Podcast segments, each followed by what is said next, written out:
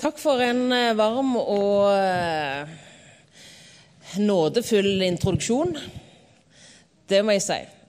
Jeg hører med til de, eh, til de i, som er ufattelig takknemlige for, for, den tjenesten som jeg har fått, spesielt sammen med ungdommer på, på bibelskolen på Bildøy.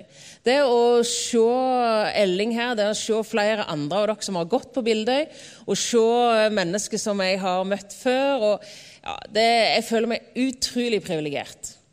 Og så er det jo av og til litt surt å reise hjemmefra, og så liker jeg ikke når det er storm på sjøen og alle de der tingene der. Men, men jeg er ufattelig takknemlig for at Gud unte meg å få lov å være med i den tjenesten som jeg har fått. Så så eh, hvis eh, det er en opplevelse at jeg virkelig bryr meg, så er det faktisk helt sant.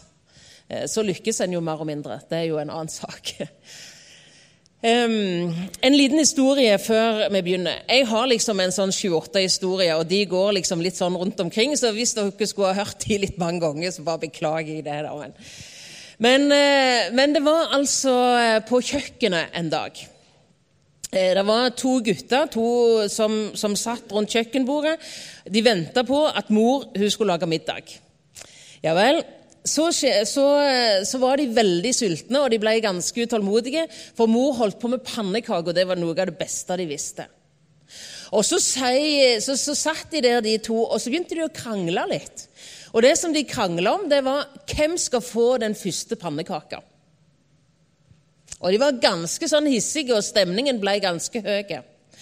Og Så tenkte mor at nå skal jeg ta og benytte anledningen til å lære dem litt om livet, disse kjekke sønnene mine. Og Så så hun på dem med en sånn skikkelig sånn moderlig blikk og stemme, og så sa hun, 'Vet dere noe, guttene mine? At hvis Jesus hadde vært her, vet dere hva han hadde sagt?'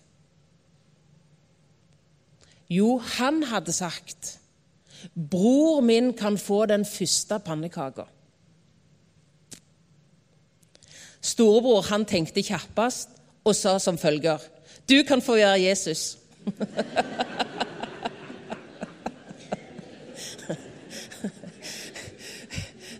Så det er jo fint når han lykkes med rollene.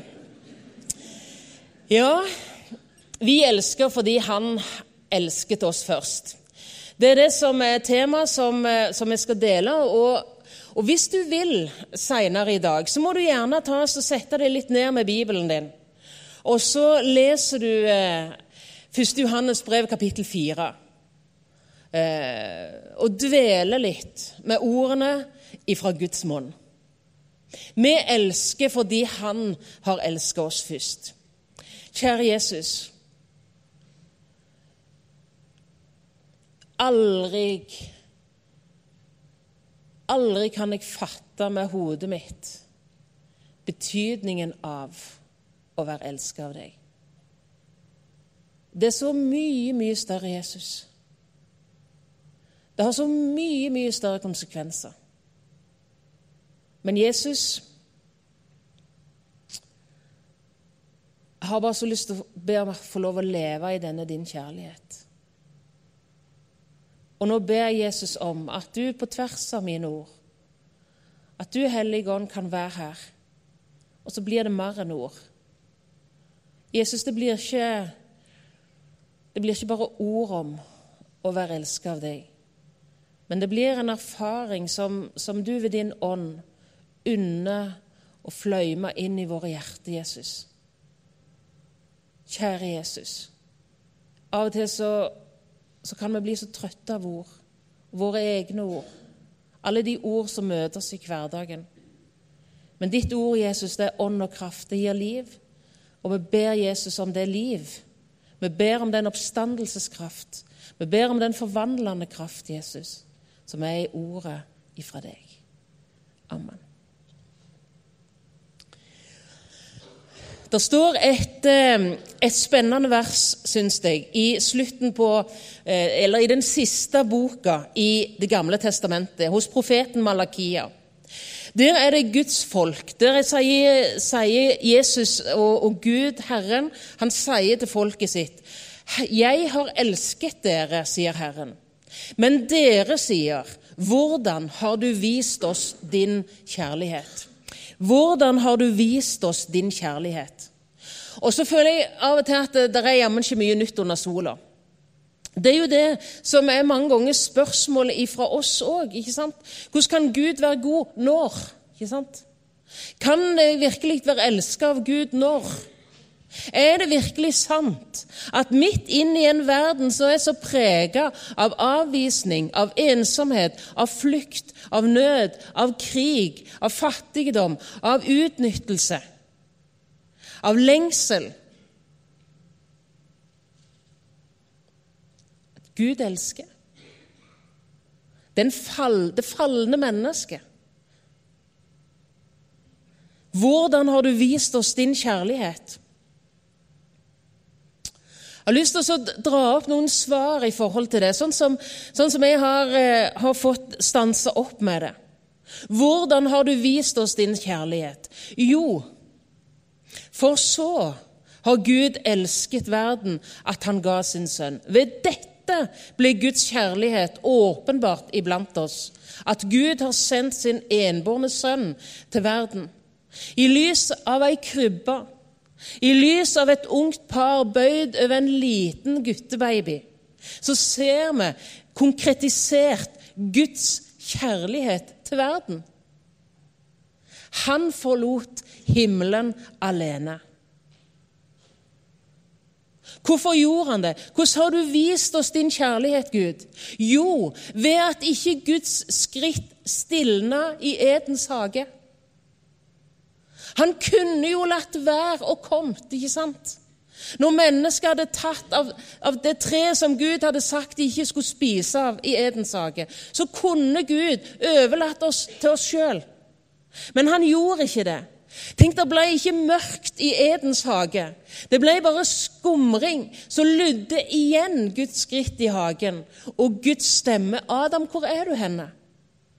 Og så kom allerede denne, denne hva skal jeg si Samme dagen som fallet var en realitet, var den første profetien om Frelseren levert menneske. Allerede fra evighet av så var det i Guds tanke. For det står i Efeserbrevet at Gud utvalgte oss i Jesus før verden ble skapt. Men det ble levert menneske etter fallet. Det skal komme en frelser, det skal komme en redning til mennesket. Det er en hyrde som skal lete etter de som har gått bort. Og hyrden, det er Jesus. Hvordan har du vist oss din kjærlighet? Jo, han kom. Han kom til oss. Romerbrevet kapittel 8. Han som ikke sparte sin egen sønn, men ga ham for oss alle. Hvordan har du vist oss din kjærlighet?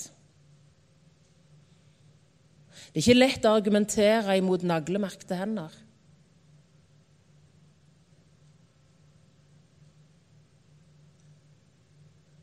Det er ikke alltid jeg skjønner Gud og Guds vei. Både for min egen del så kan jeg slåss i møte med urettferdighet, i møte med mennesker som opplever nød, i møte med mennesker som på en spesiell måte, sånn som det ser ut fra utsida i alle fall, blir ramma av vonde mennesker sine handlinger og ulykker og, og tragedier. Gud, hvor er du henne? Mitt rop har òg gått sånn. Og jeg er glad for at jeg har en far i himmelen. Jeg er glad for at jeg har en Gud som elsker meg så høyt at jeg kan få være hos han òg når jeg ikke forstår han.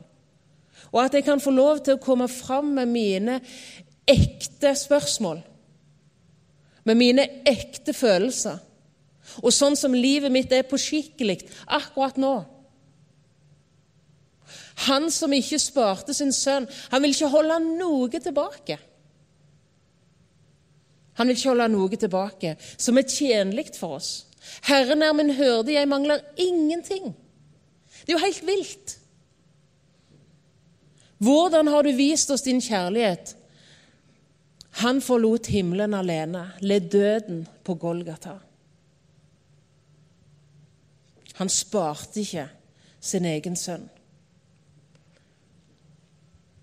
Så står det i kapittel 3 i 1. Johannes brev Se, altså legg merke til hvor stor kjærlighet Faderen har vist oss, at vi skal kalles Guds barn, og det er vi. Guds kjærlighet til oss i Jesus Kristus, det leder oss inn i et barneforhold, i et barnekår til Gud. Vi sang her nå nettopp. Takk for sangen. Så dyp en kjærlighet. Så dyp en kjærlighet. Så tenkte jeg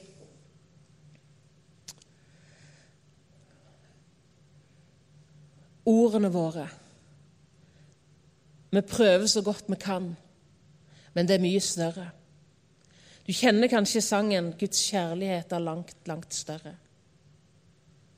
Der står det om alle hav av blekk ble fylte, var himmelens hvelv av pergament.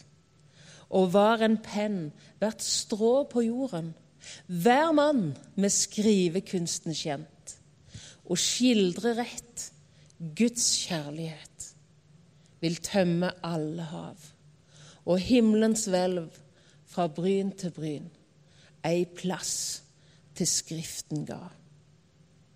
Guds kjærlighet, hvor rik og stor, hvor høy og dyp og lang. De priser evig englers kor og alle frelste sang. Se hvor stor kjærlighet Faderen har vist oss. Når realiteten er sånn, så skulle det vel være enkelt å ta imot Guds kjærlighet. Så skulle det vel være enkelt å, å fryde seg i Guds kjærlighet. Så skulle det vel være enkelt å være trygg i Guds kjærlighet.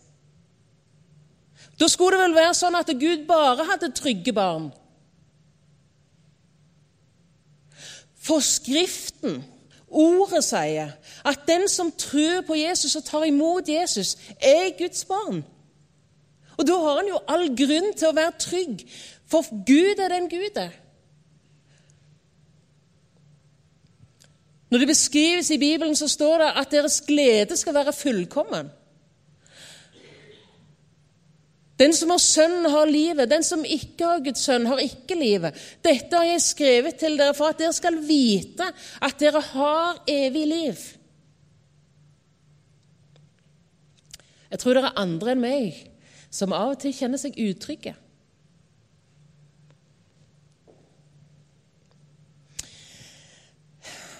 Hvorfor har Jesus sagt noe om det å bli som barn? Nå blir det ingen teologisk dypsindige avhandling om akkurat det. Det er sikkert mange ting som kan sies, men det blir en liten refleksjon. Hvorfor sier Jesus noe om betydningen av å bli som barn? Jeg tror at en av de tingene handler om at Jesus vil si noe om evnen til å ta imot. Barn har evnen til å ta imot, ikke sant? Det er jo fascinerende ikke sant? når de, de kommer med, med, lister over ønsker til jul eller i bursdag. sant? Så er det liksom eh, Det er som regel ikke nok med, med 10 000. Sant? Som regel ganske dyrt, det er ganske frimodig. Og så er det jo litt sånn fascinerende med barn at de ønsker seg gjerne med like store glede noe som koster 39,90 og noe som koster enda mer. For liksom prisen er på en måte ikke så viktig, men, men de har lyst på det de har lyst på, og de tar imot med glede det som de får. Men når vi blir voksne Han trenger gjerne ikke bli så voksen heller alltid, dessverre. Men, men vi som mennesker vi, kan, vi, vi erfarer at det ikke alltid er så lett å ta imot kjærlighet. Det er ikke alltid så lett på det menneskelige på det medmenneskelige planet. Det kan ha mange årsaker, men det lar vi ligge nå. Men Guds kjærlighet Hva kan hindre oss i å ta imot Guds kjærlighet? Hva kan være årsaker i vårt hjerte for at vi, vi liksom ikke stiller oss rett i strømmen av Guds nåde, Guds velsignelse, Guds kjærlighet? Det er vanskelig for oss å ta imot en betingelsesløse kjærlighet. Vi vil så gjerne kunne gjengjelde. ikke sant? Det kan være vanskelig å stå i gjeld til noen. Hvis det, er noen som hjelper oss, hvis det er noen som gjør oss en tjeneste, da har vi ganske mye fokus ikke sant? på å gjøre noe godt igjen. Det, det, er jo nesten sånn at det er stress hvis det var noen som hjalp oss å støvsuge, og så får ikke vi hjelp til å støvsuge eller bake kaker til dem eller gjøre et eller annet ganske kjapt. Vi føler vi kommer i gjeld. Det er ikke bra. Eller hvis det er at vi har gjort et eller annet bra, så er det, eller føler sånn noenlunde greie, så, så, er det liksom én ting at noen kan, kan, være glad i oss og elske oss. Men, men liksom hvis vi har ja, Hvis det har gått skikkelig galt, og vi kjenner at, det, at de fortjener ingenting Så er det vanskeligere å ta imot. Vet du hva jeg skal lyst til å si til meg sjøl, som òg strever med dette, og til deg som strever med dette? Gud elsker deg like høyt hver dag. Du kan ikke gjøre noe, eller la være å gjøre noe, som kan få Gud til å elske deg mer eller elske deg mindre. Guds kjærlighet er fullkommen. Den har rot i hans hjerte. Den har sitt utgangspunkt i at han elsker fordi han elsker.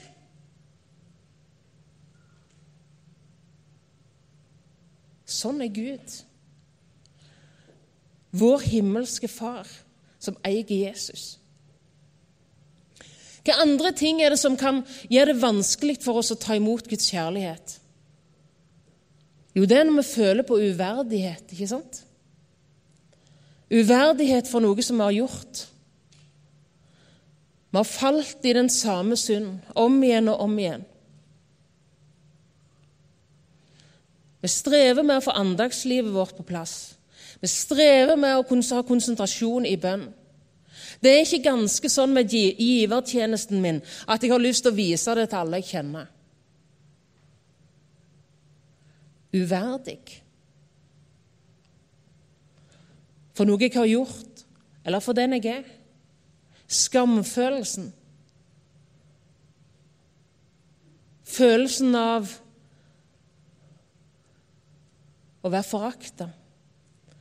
Følelsen av å ikke fortjene. Følelsen av å bare ønske å forsvinne. Uverdig. Uverdig.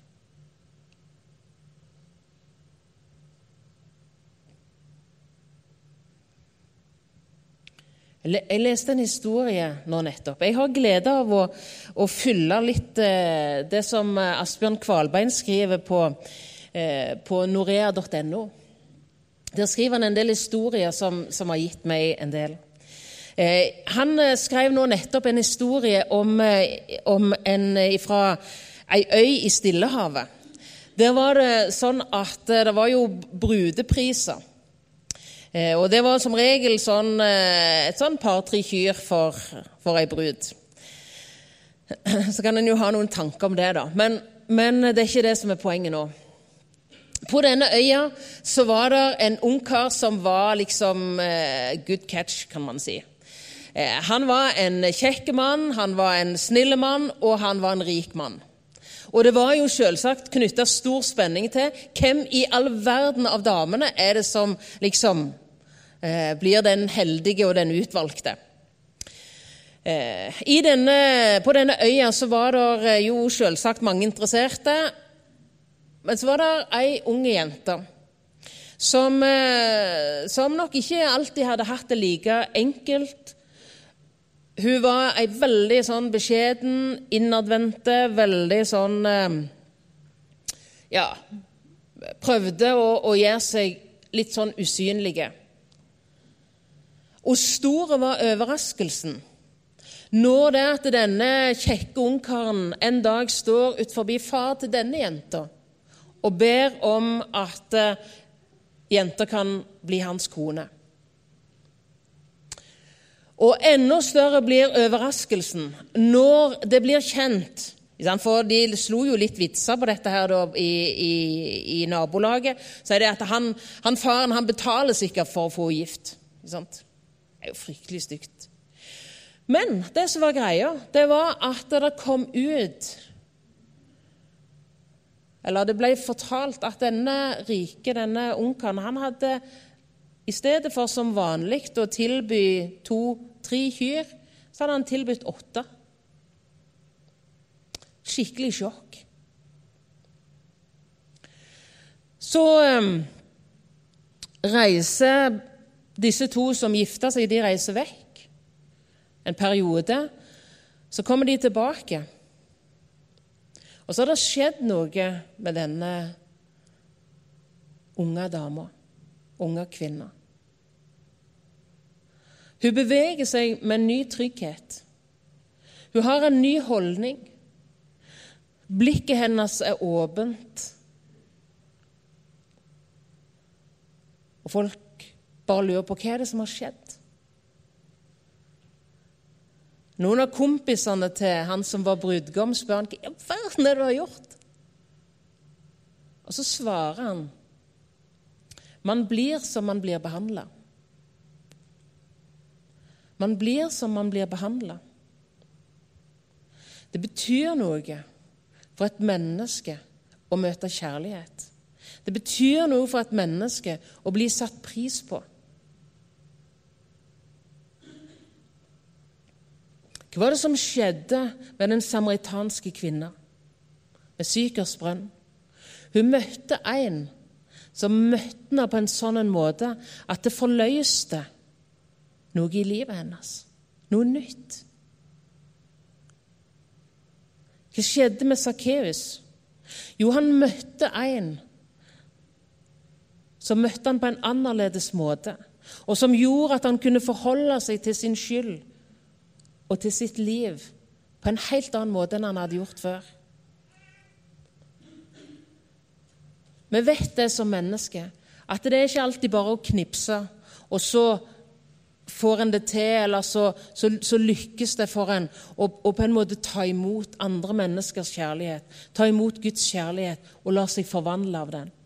For det er et ganske viktig punkt. Skue Hans åsyn så lenge at jeg forvandles derved. Hvordan kan jeg bli forvandla av Jesu kjærlighet? Hvordan kan jeg bli forvandla av Guds kjærlighet? Jo, ved å betrakte den og la den få gjøre sin gjerning i mitt liv. På tross av alt jeg vet er sant om meg, så kan jeg ha fokus på det Bibelen sier er sant om Gud. Om hans kjærlighet til mennesket som han skapte, som han kjøpte, som han elsker, som han ser. Og han vet hvem vi er.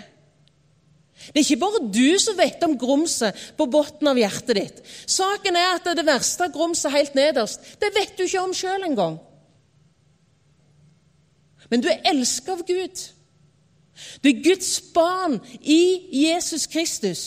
Og hans fokus for deg, det er fokuset som den gode far har. I Jesus Kristus, i Hans nåde, så kan vi la oss falle i Guds armer. I tillit, i hengivenhet, i takknemlighet. Det er et fantastisk bilde Rembrandt har malt om hjemkomsten til den bortkomne sønn. Og det går an å tenke seg inn i hvilken følelse av takknemlighet, glede og liksom sånn endelige følelse den bortkomne sønnen har når faren omfavner han. Men, men, vet du at når jeg ser det bildet, så har jeg så mange ganger lyst til å, å gå bort og klappe denne sønnen på ryggen. Og så har jeg lyst til å si Se opp. Se opp. Se inn i din fars ansikt.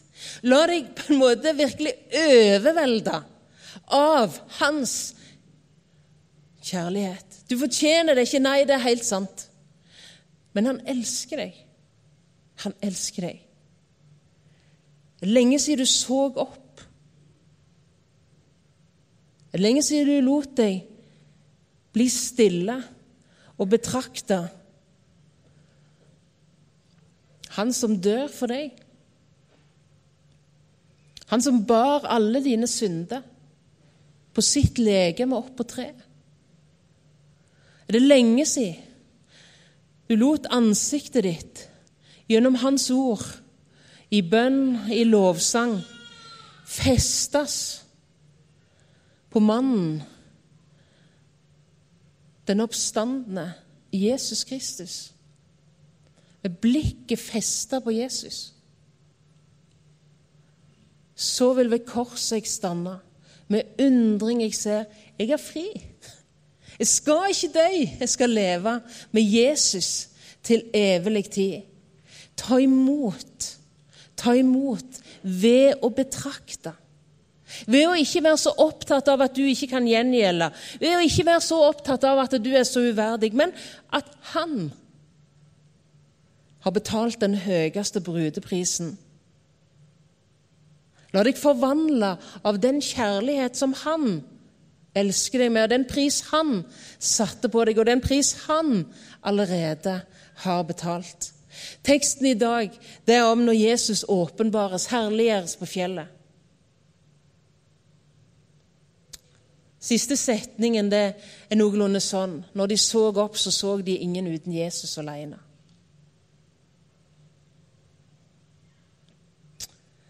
For så har Gud elsket. Ved dette ble Guds kjærlighet åpenbart. Den som får lov å leve i Guds kjærlighet, vil få en kilde i sitt liv som veller fram til evig liv. Som jeg har elsket dere, skal også dere elske hverandre. Vi elsker fordi han elsker oss først. Hans kjærlighet er fullkommen. Vår mulighet til å bære hans kjærlighet ut i verden er ved å ta imot den, betrakte den, forvandles av den, fylles av den, være kanaler for den i en verden som trenger Jesus for å bli frelst. I en verden som fryser i en verden i mørke, en verden i nød. Gud,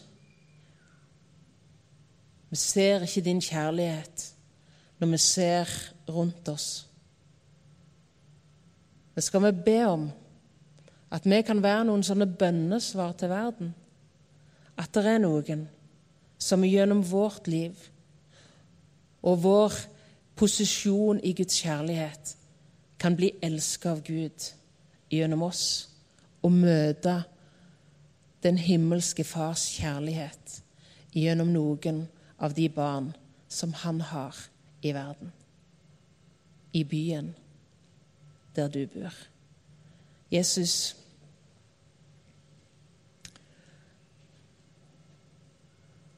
jeg trenger å be deg om tilgivelse fordi at jeg ofte tenker feil om deg.